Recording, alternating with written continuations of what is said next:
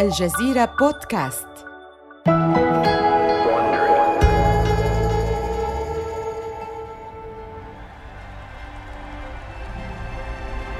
فبراير عام 2013 في حي مانهاتن بولاية نيويورك.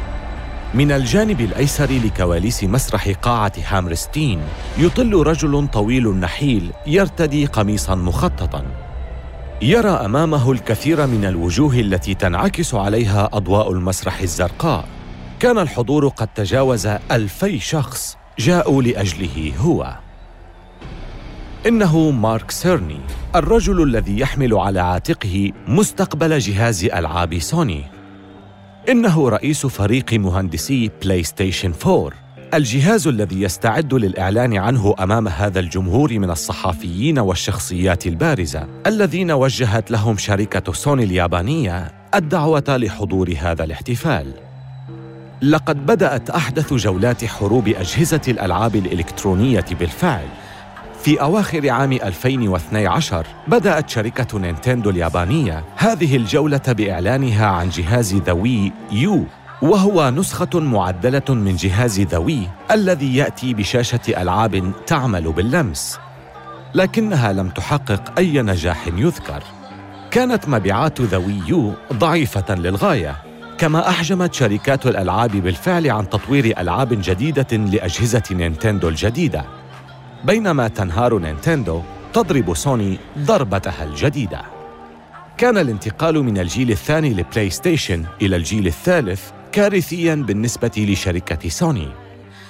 فبعد أن اغتر اللاعبون بكل من إكس بوكس 360 و The Wii تغير ولاؤهم وانخفضت حصة سوني في السوق إلى النصف. والآن ترغب سوني في استعادة عرشها وجذب عشرات الملايين من اللاعبين الذين تخلوا عن بلاي ستيشن بعد أن أصبحت تكلفهم الكثير من المال مقابل ألعاب أقل جاذبية. يتحرك سيرني بخطوات واسعة على خشبة المسرح المضاءه ويخاطب الجمهور. لقد استمعنا إلى اللاعبين كما استمعنا لمطوري الألعاب لذا جاء بلاي ستيشن 4 مخصصا تماما للألعاب. إنه جهاز موجه فقط للاعبين. كانت رسالة سيرني مركزة جدا. لقد اضعف جهاز بلاي ستيشن 3 موقف سوني حين طرحته على أنه جهاز ترفيه منزلي شامل لكنها لن تقترف ذلك الخطأ مرة ثانية. يمكن استخدام جهاز بلاي ستيشن 4 كمشغل للأفلام عالية الدقة ولمشاهدة الأفلام على موقع نتفليكس لكن سوني لا تسلط الأضواء على هذه الخصائص. الليلة تتباهى الشركة بجهازها الجديد باعتباره جهاز ألعاب استثنائياً. وللتأكيد على هذه الرسالة يعمد سيرني إلى تسليط الضوء على الميزات التي تستهدف اللاعبين بشكل مباشر مثل خدمة اللعب عبر الإنترنت التي تمنح المشتركين ألعاباً مجانية كل شهر. وأيضاً القدرة على تسجيل خبراتهم وتجاربهم في الألعاب ومشاركتها عبر وسائل التواصل الاجتماعي بضغطة زر. كل شيء هنا موجه لعالم الألعاب. جهاز بلاي ستيشن 4 موجه للاعبين فقط وسيعرض في الأسواق بدءاً من نوفمبر. وبينما تعود بلاي ستيشن للمعركة تستعد مايكروسوفت الأمريكية لتوجيه ضربتها التالية بالإعلان عن إصدار إكس بوكس القادم. لكن مايكروسوفت تذهب إلى أبعد من مجرد التفوق على بلاي ستيشن لقد صممت جهازاً قادراً على تغيير شكل غرف المعيشة في العالم تماماً.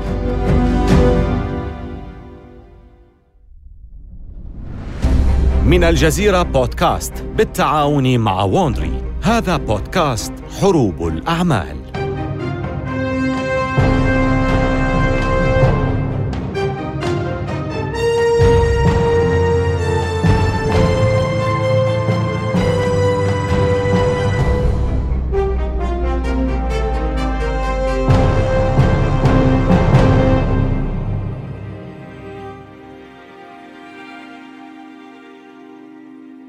هذه هي الحلقة الأخيرة من سلسلتنا المكونة من ثلاثة أجزاء إكس بوكس ضد بلاي ستيشن اهدم هذا الجدار.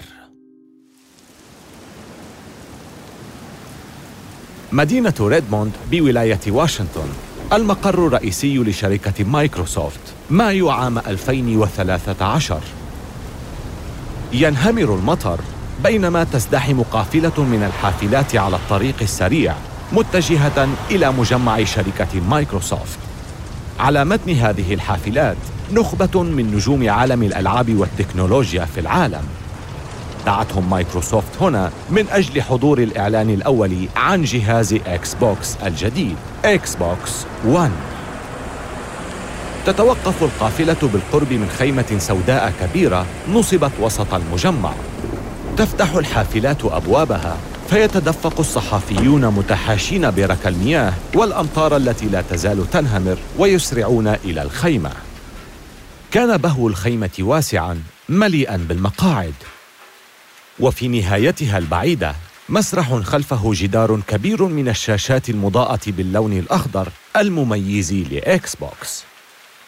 بعد أن يستقر الصحفيون في أماكنهم يصعد رئيس إكس بوكس دان ماتريك الكندي إلى المسرح. تهتز خصلات شعره وهو مبتسم بحماس. إنها اللحظة التي استغرق التحضير لها عامين كاملين. وهو الآن على وشك الإعلان عما يعتقد بأنه سيكون ثورة في عالم الترفيه. ليس للصحفيين المنتظرين إعلانه هذا فحسب بل لملايين اللاعبين الذين يشاهدونه عبر الإنترنت. اليوم نقدم لكم غرفة معيشة جديدة حيث تجتمع كل وسائل الترفيه الخاصة بكم في مكان واحد. سألنا أنفسنا في إكس بوكس كيف يمكننا تحسين تجربة غرفة المعيشة التي أصبحت أكثر تعقيداً وتشتتاً. الحل الذي تقدمه مايكروسوفت هو إكس بوكس 1 لا يسميه ماتريك منصة ألعاب بل يسميه نظام الترفيه الشامل.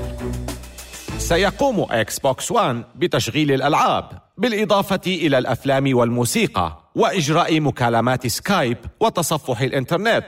إنه في الحقيقة سيعيد تعريف التلفزيون. فكر فريق إكس بوكس كثيرا في التلفزيون.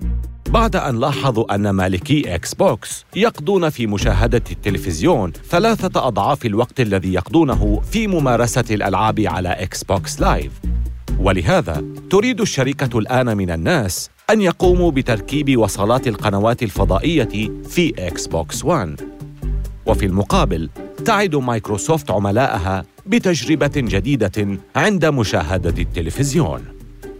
مع إكس بوكس 1 يمكنكم اللعب وأنتم تشاهدون فيلما في ركن الشاشة. كما يمكنكم متابعة البث الحي لمباراة كرة القدم وأنتم تلعبون في نافذة جانبية بفريقكم المفضل. إضافة إلى أنكم ستتمكنون من العثور على البرامج التلفزيونية من خلال الأوامر الصوتية وذلك لأن كل جهاز إكس بوكس 1 مرفق به نظام كينكت الجديد. أجل كينكت هو رد مايكروسوفت على جهاز ذا وي من نينتندو. إنه نظام التحكم الذي يعد جزءاً لا يتجزأ من تجربة إكس بوكس 1 تم تطوير كينكت بإضافة كاميرات قوية للغاية حتى إنها قادرة على مراقبة ضربات قلبك والكشف عن حالتك المزاجية عن طريق رصد تغيرات درجة لون الجلد. كما بإمكانها رؤيتك حتى لو كنت في الظلام. مفاجأة مايكروسوفت الأخيرة هي أنها قامت بربط كل ما يشتريه اللاعبون من ألعاب في المتاجر بحساباتهم على إكس بوكس وهي بتقديمها هذه الخاصية لعملائها تتيح لهم الوصول إلى ألعابهم على أي جهاز إكس بوكس 1 بمجرد تسجيل الدخول إلى حساباتهم دون الحاجة لأي أقراص تسجيل. ورغم ذلك فبالنسبة للكثيرين الذين يشاهدون إعلان ماتريك عبر الإنترنت فإن هذه تعد أخباراً غير سارة بأي حال. هناك ملايين الأشخاص الذين يدفعون تكاليف إصلاح أجهزتهم عن طريق بيع أقراص ألعابهم القديمة إنها تجارة يصل حجمها إلى ملياري دولار في السنة ولكن إذا ما تم ربط الألعاب التي يشتريها الناس بحسابات إكس بوكس مباشرة فإنهم لن يتمكنوا من بيعها. هذا الاقتراح الذي تعرضه مايكروسوفت يهدد بالقضاء على سوق الألعاب المستعملة. لم تكن تلك هي الشكوى الوحيدة للاعبين من إعلان إكس بوكس 1 إنهم في الحقيقة لم يتأثروا كثيراً بتركيز مايكروسوفت على التلفزيون بدلاً من الألعاب. كما أبدوا اعتراضهم على فرض كينكت على كل من يمتلكون إكس بوكس 1 يشعر الكثيرون بالقلق من فكرة وضع نظام كينكت في غرف معيشتهم. حيث سيظل رقيباً عليهم ويسمعهم ويراهم. إنه أمر مرعب يذكر بالعالم البوليسي في رواية 1984 للكاتب الإنجليزي جورج أورويل. في غضون ساعات قليلة من صعود ماتريك على خشبة المسرح بدا واضحا أن إعلان الكشف عن إكس بوكس 1 سار على وجه خاطئ.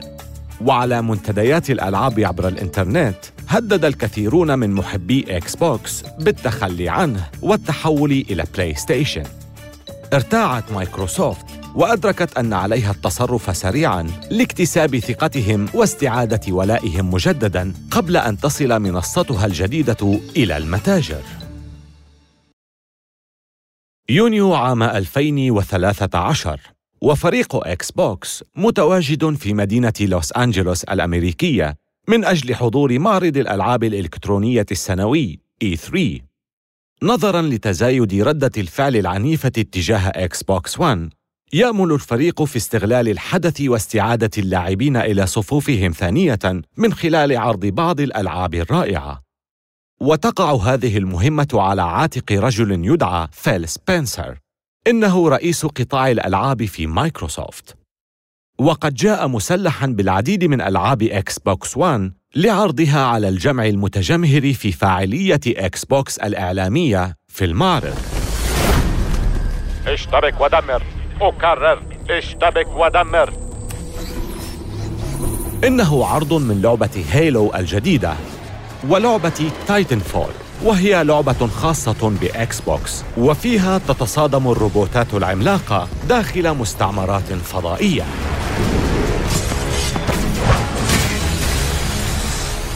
ولكنه قبل أن يعرض هذه الألعاب عليه أن يعلن عن بعض الأخبار غير السارة. إنه يحاول أن يبدو هادئا. أنا فخور بالإعلان عن انطلاق إكس بوكس 1 في شهر نوفمبر الحالي بقيمة 499 دولارا. ساد الصمت في المعتاد. يتم الترحيب بإعلانات إطلاق الأجهزة الجديدة في المعرض بالتصفيق الحار. يعض سبنسر على شفته. يا لها من لحظات قاسية. لقد مرت لحظات الصمت على سبنسر كأنها دهر طويل. وعلى استحياء بدأ جمع صغير من الحضور في التصفيق بلا حماس. كل من بالغرفة يفكر في شيء واحد. ترتكب مايكروسوفت نفس خطأ سوني عندما فرضت مبلغا باهظا على بلاي ستيشن 3 بعد مرور ساعتين أغمدت سوني خنجرها في قلب مايكروسوفت وأعلنت عن بلاي ستيشن 4 بسعر أرخص من إكس بوكس 1 ب 100 دولار.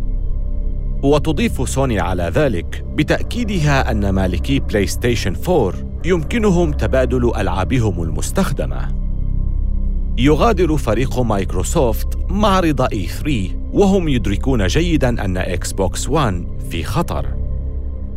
بعد فترة وجيزة من عودتهم إلى ريدموند يتخلون عن خطة إيقاف تبادل الألعاب المستخدمة كما يقومون بتغيير نظام إكس بوكس 1 بحيث يعمل حتى إذا لم يكن كينكت متصلا به. لكن هذه الخطوة كانت غير كافية ومتأخرة جدا.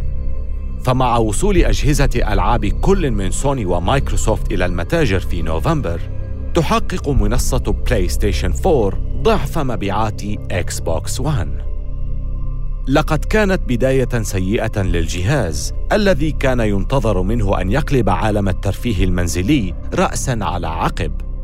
ولسوء الحظ جاء في توقيت سيء. حيث كانت مايكروسوفت بالفعل تتعرض لضغوط من أصحاب الأسهم بسبب ضعف مبيعات أجهزة حواسيب سيرفس اللوحية وهواتف ويندوز. والآن يتعرض منتجهم الوحيد الناجح من الإلكترونيات الاستهلاكية لهذه الخسارة. ريدموند واشنطن مارس عام 2014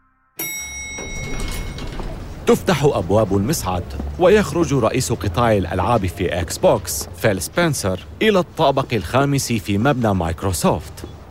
يتجه نحو باب مكتب في نهاية الممر.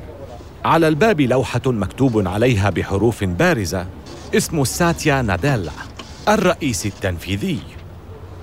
ناديلا هو الرئيس التنفيذي الجديد لمايكروسوفت. رجل نحيل حليق الرأس مغرم بلعبة الكريكت منذ أن كان طفلا في الهند. يطرق سبنسر الباب. ادخل. يدخل سبنسر. كان ناديلا جالسا على مقعد فيروزي اللون. خلفه على الجدار شاشة مايكروسوفت ضخمة بحجم 84 بوصة تعمل باللمس تعرض مشهدا لسلسلة جبال مغطاة بالثلوج. آه فيل أنا سعيد برؤيتك. تفضل بالجلوس.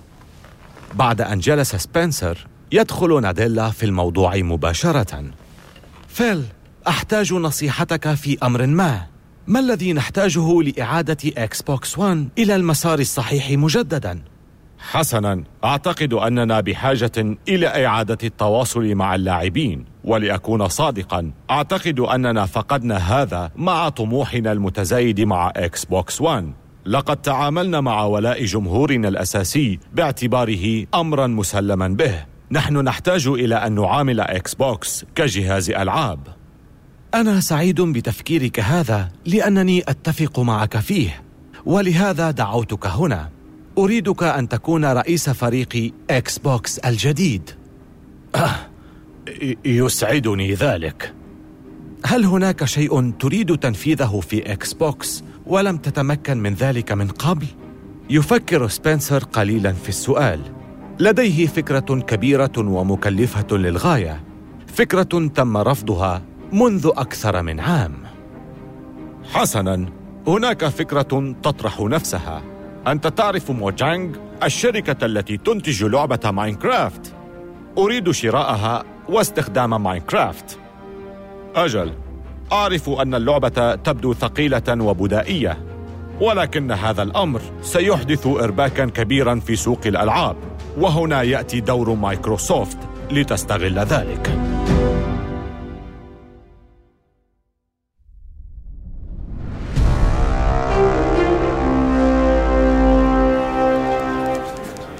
إنه إبريل عام 2014 ورئيس إكس بوكس الجديد فيل سبنسر على وشك اتخاذ أول قرار كبير له.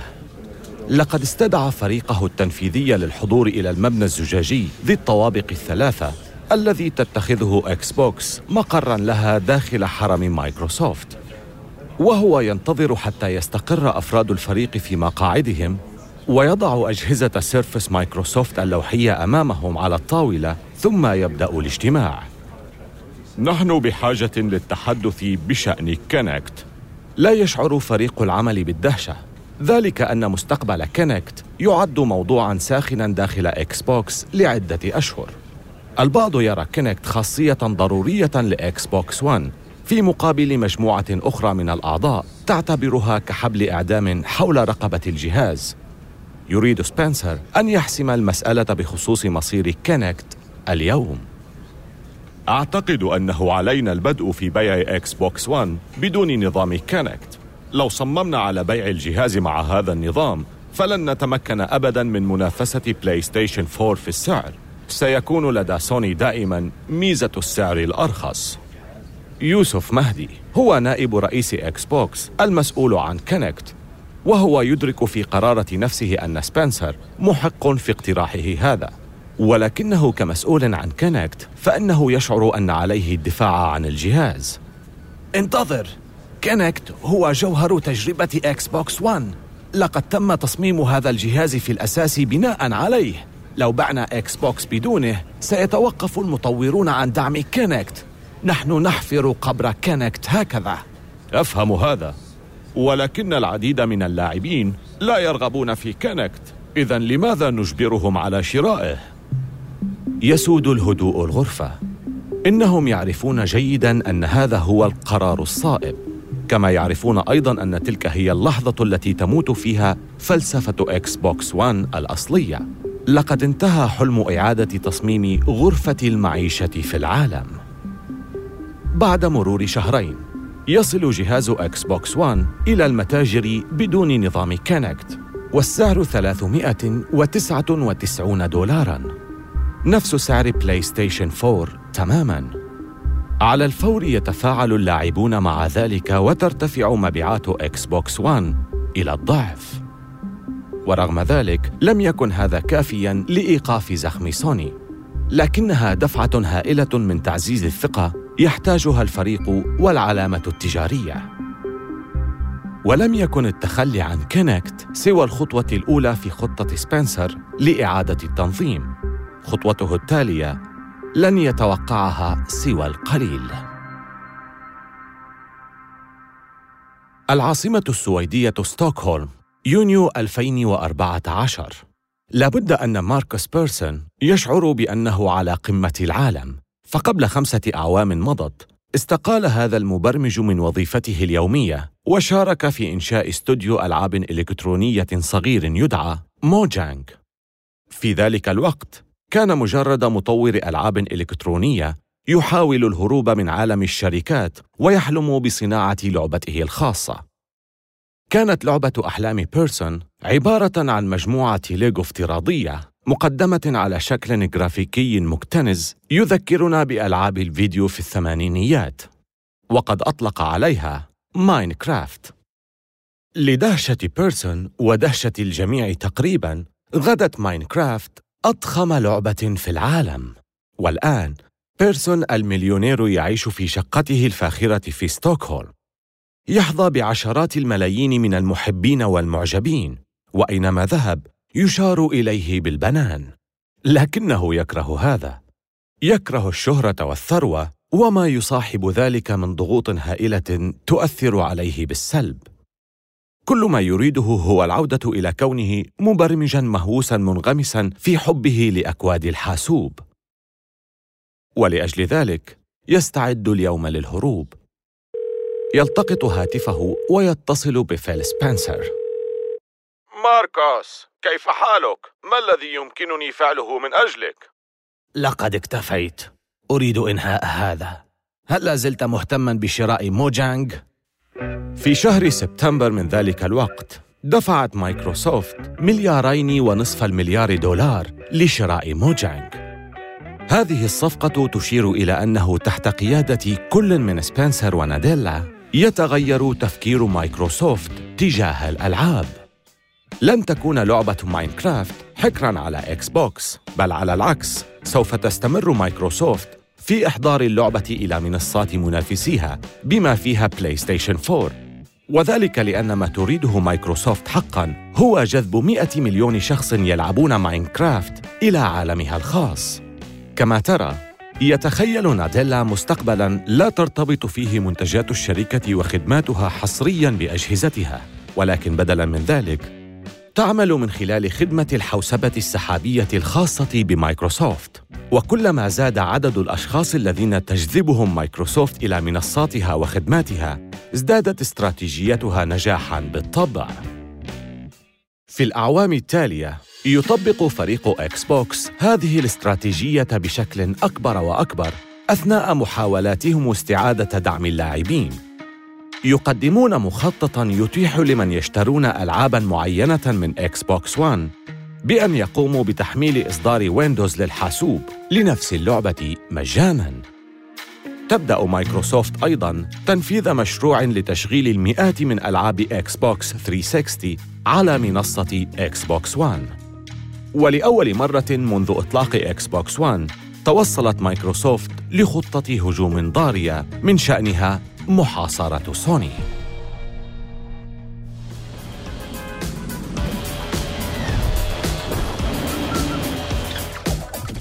إنه يونيو عام 2018 والعالم منهمك في لعبة معركة البقاء فورتنايت التي أنتجها استوديو ألعاب شمالي ولاية كارولاينا بالولايات المتحدة يدعى إيبك جيمز.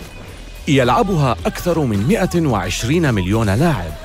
وتحظى باهتمام شعبي واسع فورتنايت لعبة كرتونية يتقاتل فيها مئة لاعب وجها لوجه في محاولة للنجاة وتتويج أحدهم في النهاية توجد لعبة فورتنايت على الهواتف الذكية، الحواسيب، اللوحات الإلكترونية ومنصات الألعاب. ثمة بعض اللاعبين على الحاسوب ينصبون الفخاخ لغيرهم من اللاعبين على أجهزة بلاي ستيشن 4 بينما لاعبو بلاي ستيشن 4 يطلقون صواريخ البازوكا على لاعبي هواتف سامسونج جالاكسي. وهناك مدمنو آيباد يبنون دفاعاتهم ضد لاعبي إكس بوكس 1 يطلق اللاعبون على هذه الطريقة في اللعب مع الآخرين من خلال منصات اللعب المنافسة اللعب المشترك عبر المنصات أو cross play لكن مالكي بلاي ستيشن 4 وإكس بوكس 1 لا يتمكنون من لعب فورتنايت معا ولطالما سار الأمر على هذا النحو. يقتحم صناع منصات الألعاب كل الحواجز من أجل دفع اللاعبين إلى شراء أجهزتهم. ولطالما عارضوا أي اقتراح بفتح منصات عملائهم لبعضهم بعضاً. لكن الآن ترغب مايكروسوفت في هدم ذلك الجدار الاصطناعي بين مالكي بلاي ستيشن وإكس بوكس على موقع إكس بوكس الإلكتروني نشرت مايكروسوفت لتوها خطابها الموازي لخطاب الرئيس الأمريكي الراحل رونالد ريغان. اهدم هذا الجدار. حيث دعا الرئيس الأمريكي في خطابه الاتحاد السوفيتي وقتها إلى هدم جدار برلين الذي قسم المدينة إلى برلين الشرقية والغربية. لقد كان لهذا الأمر وقع السحر وصنعت به مايكروسوفت ما لم يكن في الحسبان. أعلنت مايكروسوفت أنها ستتعاون مع منافسيها من صناع منصات اللعب سوني ونينتندو من أجل السماح باللعب المشترك عبر المنصات. وتدعوهما لمساعدتها على تحقيق هذا. إنها خطوة ذكية. وضعت مايكروسوفت في صف اللاعبين واضعفت تفوق سوني كشركة تركز اهتمامها على احتياجات اللاعبين. يناسب اللعب المشترك عبر المنصات استراتيجية مايكروسوفت الواسعة بشكل مثالي بربط منتجاتها وخدماتها مع العملاء بغض النظر عن الجهاز الذي يستخدمونه. أيضاً بوجود 80 مليون مالك لمنصة بلاي ستيشن 4 مقارنة بأقل من 40 مليون مالك لإكس بوكس 1 فإن مايكروسوفت ستجني أكثر بسماحها باللعب المشترك عبر المنصات المختلفة أكثر من شركة سوني. وبالطبع ترفض سوني مقترح مايكروسوفت باللعب المشترك. ولكن بينما تتجادل كلتا الشركتين كانت نينتندو ترتب أمورها للعودة إلى الساحة. أصبح لدى الشركة جهاز ألعاب جديد يدعى سويتش وهو لوحة إلكترونية تكسر كل القواعد وجهاز ألعاب منزلي بأذرع تحكم يمكن فصلها واستخدامه بدونها. لم يمر على إطلاق سويتش أكثر من عام واحد ولكن شهرته أخذت في التسارع ليلحق بإكس بوكس 1 الذي يبلغ من العمر أربعة أعوام. والآن قررت شركة إيبك إطلاق فورتنايت على منصة سويتش. يعد وصول أشد الألعاب إثارة على أكثر المنصات شهرة أمرا لا يستهان به. في غضون ساعات يقوم أكثر من مليوني شخص بتحميل لعبة فورتنايت على منصات سويتش الخاصة بهم. لكن مالكي بلاي ستيشن 4 الذين اشتروا أيضا سويتش يتعرضون لصدمة قوية. لقد قامت سوني بمنعهم من استخدام حسابات فورتنايت الخاصة بهم على منصة نينتندو. وهكذا تستعر أجواء معركة اللعب المشترك عبر المنصات. لدينا أخبار عاجلة في عالم ألعاب الفيديو ذي الأرباح الضخمة. تتراجع أسهم شركة سوني في هذه اللحظة بنسبة واحد وثلث في المئة. بعد أن رفض مؤسس بلاي ستيشن الاعتراف حتى هذه الساعة بأن الشركة تواجه مشاكل ضخمة بسبب اللعب المشترك عبر المنصات الأخرى مع أشد الألعاب إثارة على كوكب الأرض الآن فورتنايت تحاول سوني الثبات على موقفها. لكن المطالبات باللعب المشترك عبر المنصات تطاردها في كل مكان. وفي المؤتمرات الصحفية يتحدى الصحفيون مديري بلاي ستيشن بشأن هذه القضية. يملأ محبو فورتنايت صفحات سوني على وسائل التواصل الاجتماعي بمطالبات التغيير. ونتيجة للضغوط المتزايدة تضطر سوني للركوع أخيرا. في سبتمبر عام 2018 تهدم سوني الجدار. أخيرا يمكن لمستخدمي بلاي ستيشن 4 لعب فورتنايت مع رفقائهم ممن يمتلكون إكس بوكس 1 أو سويتش تقول سوني أيضا إنها تقدم خاصية اللعب عبر المنصات مع ألعاب أخرى. استسلام سوني هو أكثر من مجرد نصر لمايكروسوفت.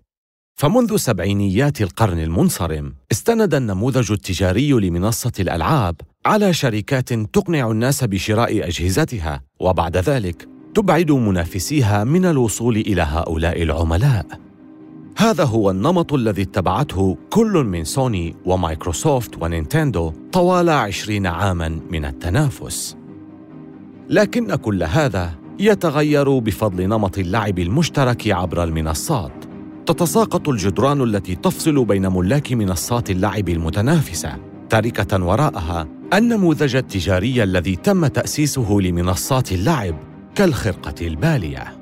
تقوم مايكروسوفت وسوني بالفعل بتجهيز الجيل القادم من منصات اللعب الخاصة بهما. تفكر مايكروسوفت في إكس بوكس بشاحن توربيني، وهو الأمر الذي سيتعين على سوني مجاراته، وربما لا. فكلتا الشركتين تتطلعان إلى بث الألعاب على طريقة نتفليكس في منازلنا عبر الإنترنت، وهذا من شأنه إعادة تعريف تجارة الألعاب الإلكترونية ككل.